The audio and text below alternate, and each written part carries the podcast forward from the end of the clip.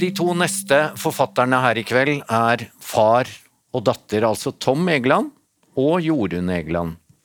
Tom kjenner dere godt som en av Norges ledende krimforfattere som har gitt ut over 20 bøker og er utgitt på over 24 språk. Jorunn er journalist og har også tidligere gitt ut flere quiz- og aktivitetsbøker gjerne som familieprosjekter, sånn som med denne boken som heter Gøy å vite. Ta godt imot Tom og Jorunn Egeland. Hei. Hei. Og pappa tar litt tid, ja. Kom igjen, Tom.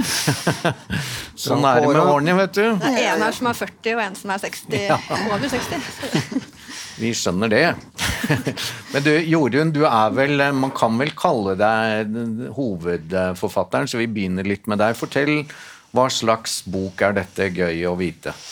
Nei, det er jo en triviabok med masse faktaopplysninger som er fullstendig unyttige å vite, men som er veldig gøy å vite. Mm.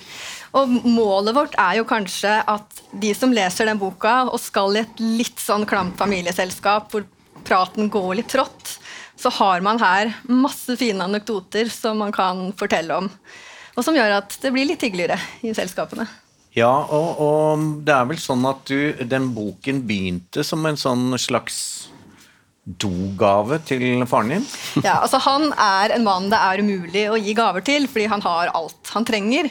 Men han er veldig glad i trivia, så det var et år jeg fant ut før jul at nå skal jeg lage triviabok til pappa. Det ble triviabok Tom Egeland edition. Eh, med masse fakta om ting han var interessert i. Og det slo han. For en gangs skyld så ble han glad for en julegave fra meg. Og derfor gjentok jeg det året etter og lagde Pappas dobok del to. Mm. Um, og så slo det ham da at kanskje dette kunne være gøy å utgi.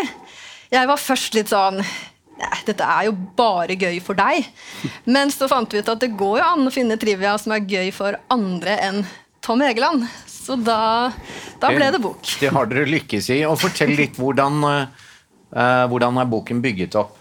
Vi har bygget den opp ved å gå gjennom året. Så Vi begynner med januar, og så beveger vi oss måned for måned og høytid for høytid gjennom hele året. Og så har vi i tillegg masse kapitler som er knyttet til de forskjellige månedene og de forskjellige høytidene og de forskjellige årstidene. Og da vil jeg jo si, I dag er det 1. mars. Er det noe spesielt med 1. mars som er i boka?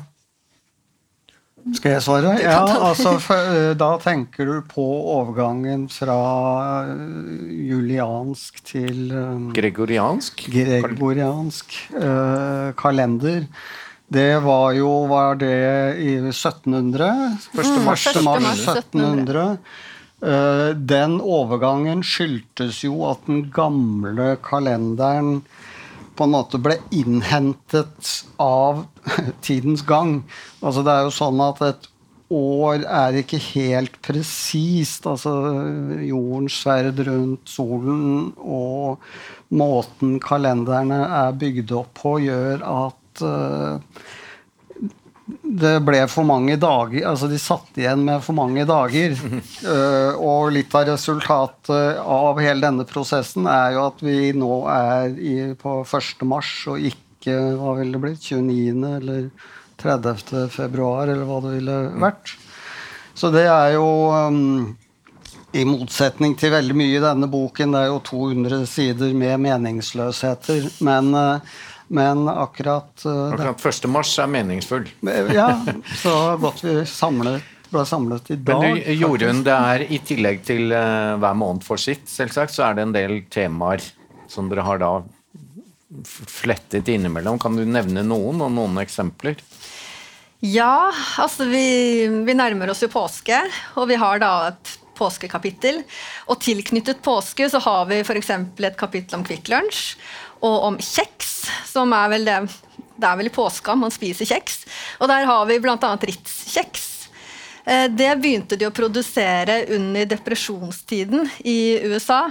Og da var det mye elendighet og lite penger blant folk. Så da begynte, ville de ha liksom en litt sånn luksuriøs kjeks. Og da oppkalte de den etter Ritz-hotellet, som var veldig eksklusivt. Og da fikk man litt følelsen av hm, denne salte kjeksen gir meg eksklusivitet. Og, og hvordan oppsto Kvikk Lunsjen, da? Det skjedde på en tur, en skogstur, hvor lederen for Freia hadde med seg en fyr fra utlandet på, på skogstur. De gikk seg bort. Og så tenkte de at her burde vi hatt en sjokolade som vi kunne spise akkurat nå, og som hadde passet i anorakklomma. Og da, da, kom de opp med Kvikk da de kom tilbake. Uh, og Tom, uh, du uh, er selvsagt også med i boken, altså anekdoter om deg. så du kan få lov til å fortelle om det, men det, du kan kanskje begynne med den morsomme som egentlig handler om Lars Mytting? Ja, lenge før Lars ble superkjendis, så var jeg invitert til en litteraturfestival i Finland.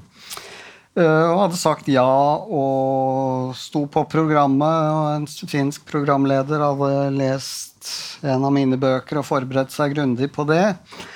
Så ble jeg av en grunn jeg ikke lenger husker, men jeg ble forhindret fra å reise.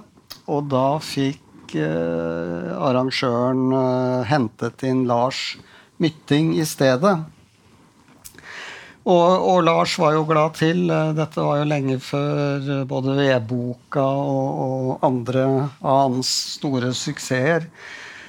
Men det ble en veldig rar sjanse, for det, Lars satt jo der da, og fikk eh, disse spørsmålene formodentlig på engelsk. Og først et, Han skjønte liksom ikke retningen på samtalen. Så først etter 15-20 minutter ut i bokbadet, og som dette ikke sant, foran et publikum, så innså Lars at programlederen trodde det var meg han bokbadet. altså Arrangøren hadde glemt å informere bokbaderen om at uh, det var en endring i programmet. Det er ikke. Tom Egeland, det er Lars Mytting som sitter der borte. Og, Lars satt og lurte på liksom, skal du skrive mer om denne arkeologen. Når du sitter sånn på scenen, så er det jo ikke alltid Det er ikke så lett å hva skal vi si, korrigere spørsmålsstilleren. Så han var jo med på notene fram til han skjønte at dette var helt feil av sted. Du har det et par andre forfatter... Facts. Ja da, jeg har jo frittet mine kolleger ut for å få med litt, uh, litt uh, nytteløs informasjon. Uh, Jørn Lier Horst, som dere jo kjenner, finansierte deler av studiene sine på Politihøgskolen ved å skrive erotiske noveller for ukebladet Vi Menn. Under pseudonym, eller? Un, veldig under pseudonym, og det er kav umulig å få ham til å røpe hva det er. Og jeg tror han rødmer hver gang han eh, blir konfrontert med, med dette her.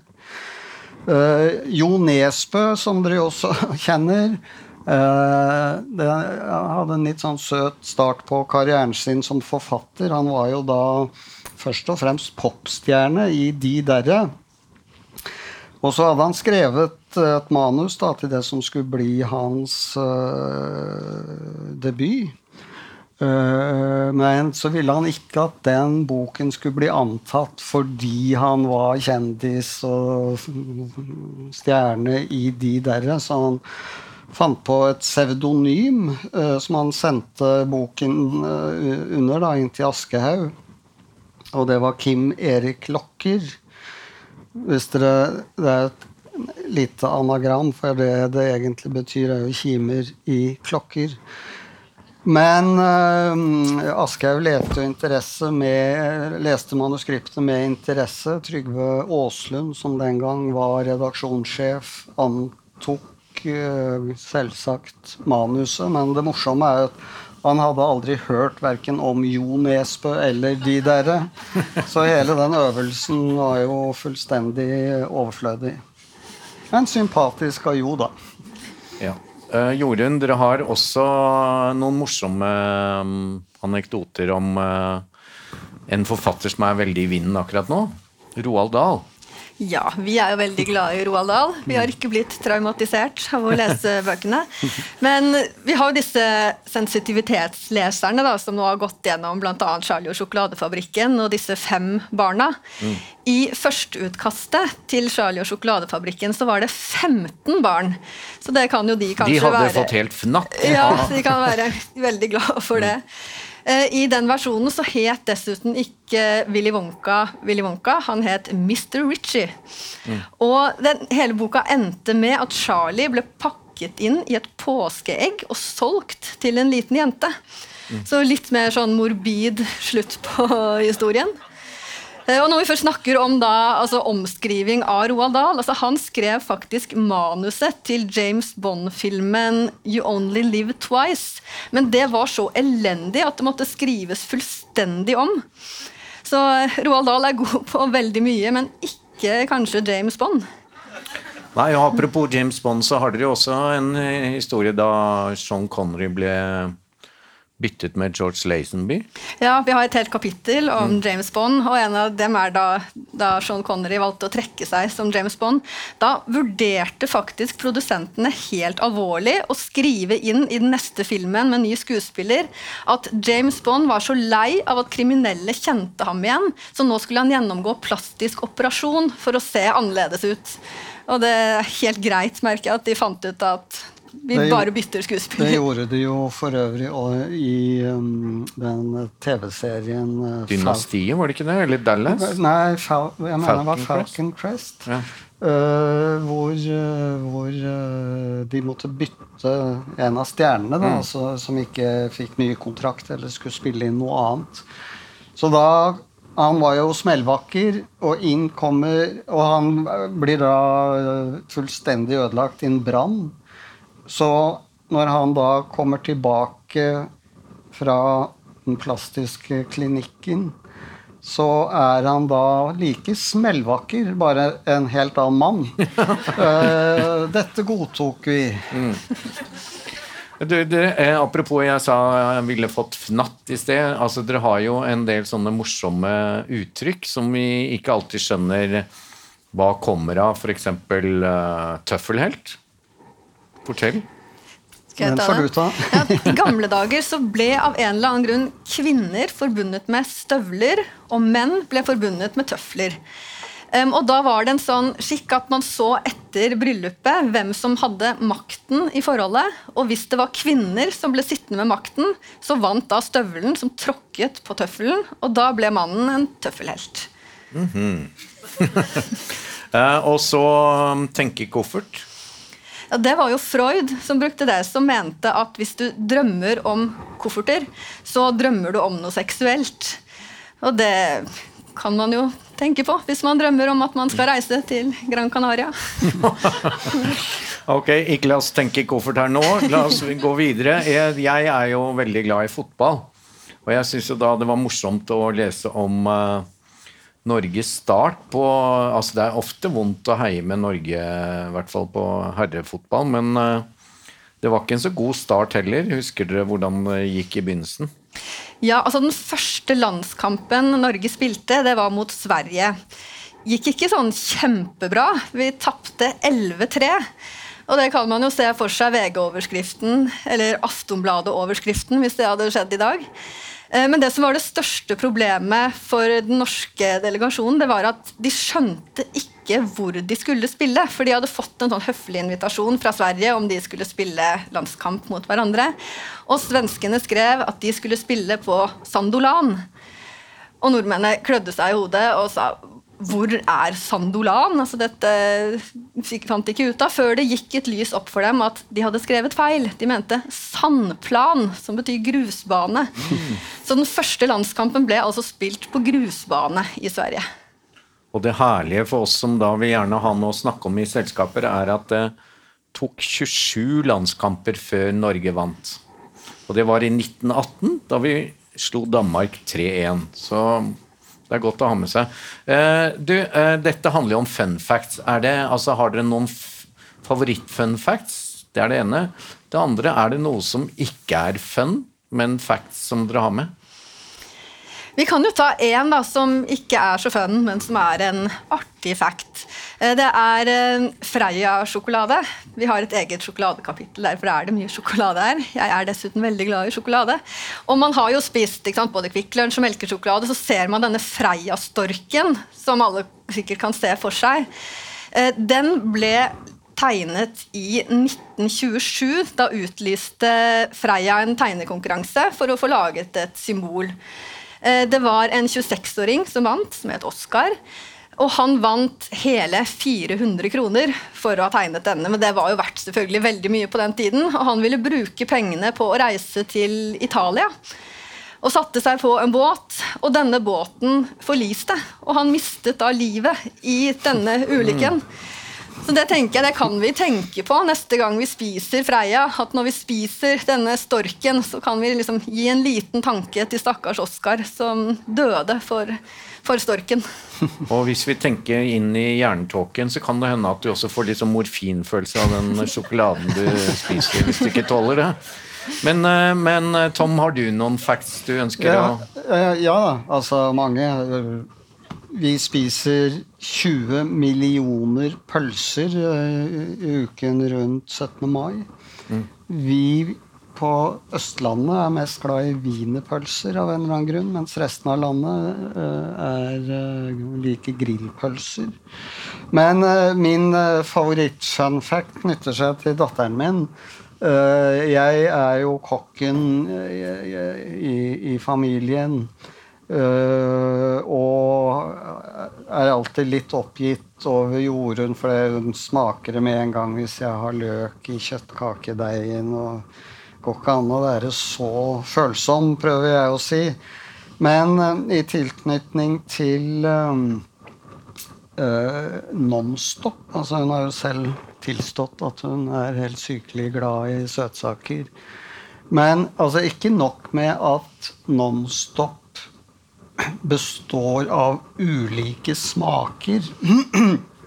Uh, I motsetning til f.eks. M&M og, og andre sånn internasjonale tilsvarende uh, sjokoladebiter. Men Jorunn kan smake hvilken farge i Nonstop-posen det er. Altså, altså det er blindtester i julepartyet hos yeah, dere? Oh yes. Altså Måten han fant ut på, var fordi jeg spiser alltid de gule først, for de smaker mest Altså de liker jeg minst, sånn at jeg blir kvitt de gule. Og jeg da... trodde det var som Espen Eckbo da han trodde det var Vitaplex, sånn vitaminer, de gule. Men nei. Men, men, eh, ja, eh, hva er dine favoritter? Har du noe som går utover Tom, eller har du noen andre morsomme fakta? vi kan trekke Kanskje ikke som går utover ham, men en jeg er glad i, det handler om yatzy. Vi er glad i spill i familien min, og der spiller vi mye yatzy. Og yatzy ble da funnet opp av et canadisk ektepar som var så velstående at de satt på yachten sin og kjeda seg. Det tenker jeg, det er ikke kanskje så mange av oss som gjør til daglig, men de kjeda seg på yachten. Og da fant de opp et terningspill som da var sånn som vi kjenner spill i dag. Og dette syntes de var gøy, og de viste det til vennene sine, og det slo an. Og de kalte det for Yachtspillet. Og så bestemte de seg for å produsere det, og da ble det yatzy. Så det kommer da fra, fra en yacht, rett og slett. Ja, du, tar to salater også helt sånn avslutningsvis. Jeg er litt skuffet over både italiensk salat og cæsarsalat. Altså, Italiensk salat er jo overhodet ikke italiensk. Grunnen til at det heter italiensk salat, det har med fargen å gjøre. At det er hvitt, grønt og altså, gulrot, litt sånn rødaktig som det italienske flagget. Og så har vi cæsarsalat, som man kanskje tenker har noe med Julius Cæsar å gjøre, men det er det ikke. Det er den italienske kokken Cæsar Cardini som, som fant opp cæsarsalat. I motsetning til Napoleon, som jo lagde kaker.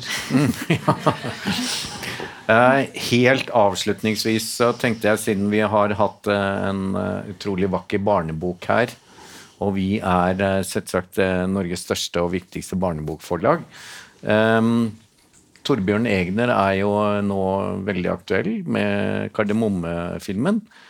Og eh, dere kom med et fakta her som ikke jeg visste noe om. Fortell om eh, Torbjørn Egner og Ja, det er sønnen hans som har fortalt dette. At han, Torbjørn Egner, vurderte faktisk å skrive en oppfølger til Kardemommeby. Og den skulle handle om at det kom en råkjører til byen. Og skapte trøbbel, som sikkert overgikk både Kasper, Jesper og Jonathan. Høres ut som en sånn blanding av Flåklypa Ja. og Kardemomme. Men Det er kanskje helt greit at det ikke Jan, ble noe av. Jan Kjærstad hadde for øvrig seriøse planer om å skrive en bok fire i trilogien om eh, Wergeland, som sikkert mange av dere har lest, TV-stjernen. Eh, Men eh, han la bort den planen fordi han fant ut at han, den boken han hadde lyst eller planlagt å skrive, ville fortelle for mye om hans egen familie og mennesker som sto ham nær. Så i kjølvannet av hele Knausgård-debatten så var det jo interessant å høre da at han la bort bind fire i den kvartetten det ville blitt, da. Det ble isteden en trilogi. Og dere, hvis dere da trenger eh, samtaleemner ved selskaper og annet, så er eh, Gøy å vite boken dere bør eh, kjøpe. Og den kan bli kjøpt bak der nå, eh, så gi Jorunn og Tom en kjempeapplaus. Takk for oss. Boktips, en podkast fra Cappelen Dam.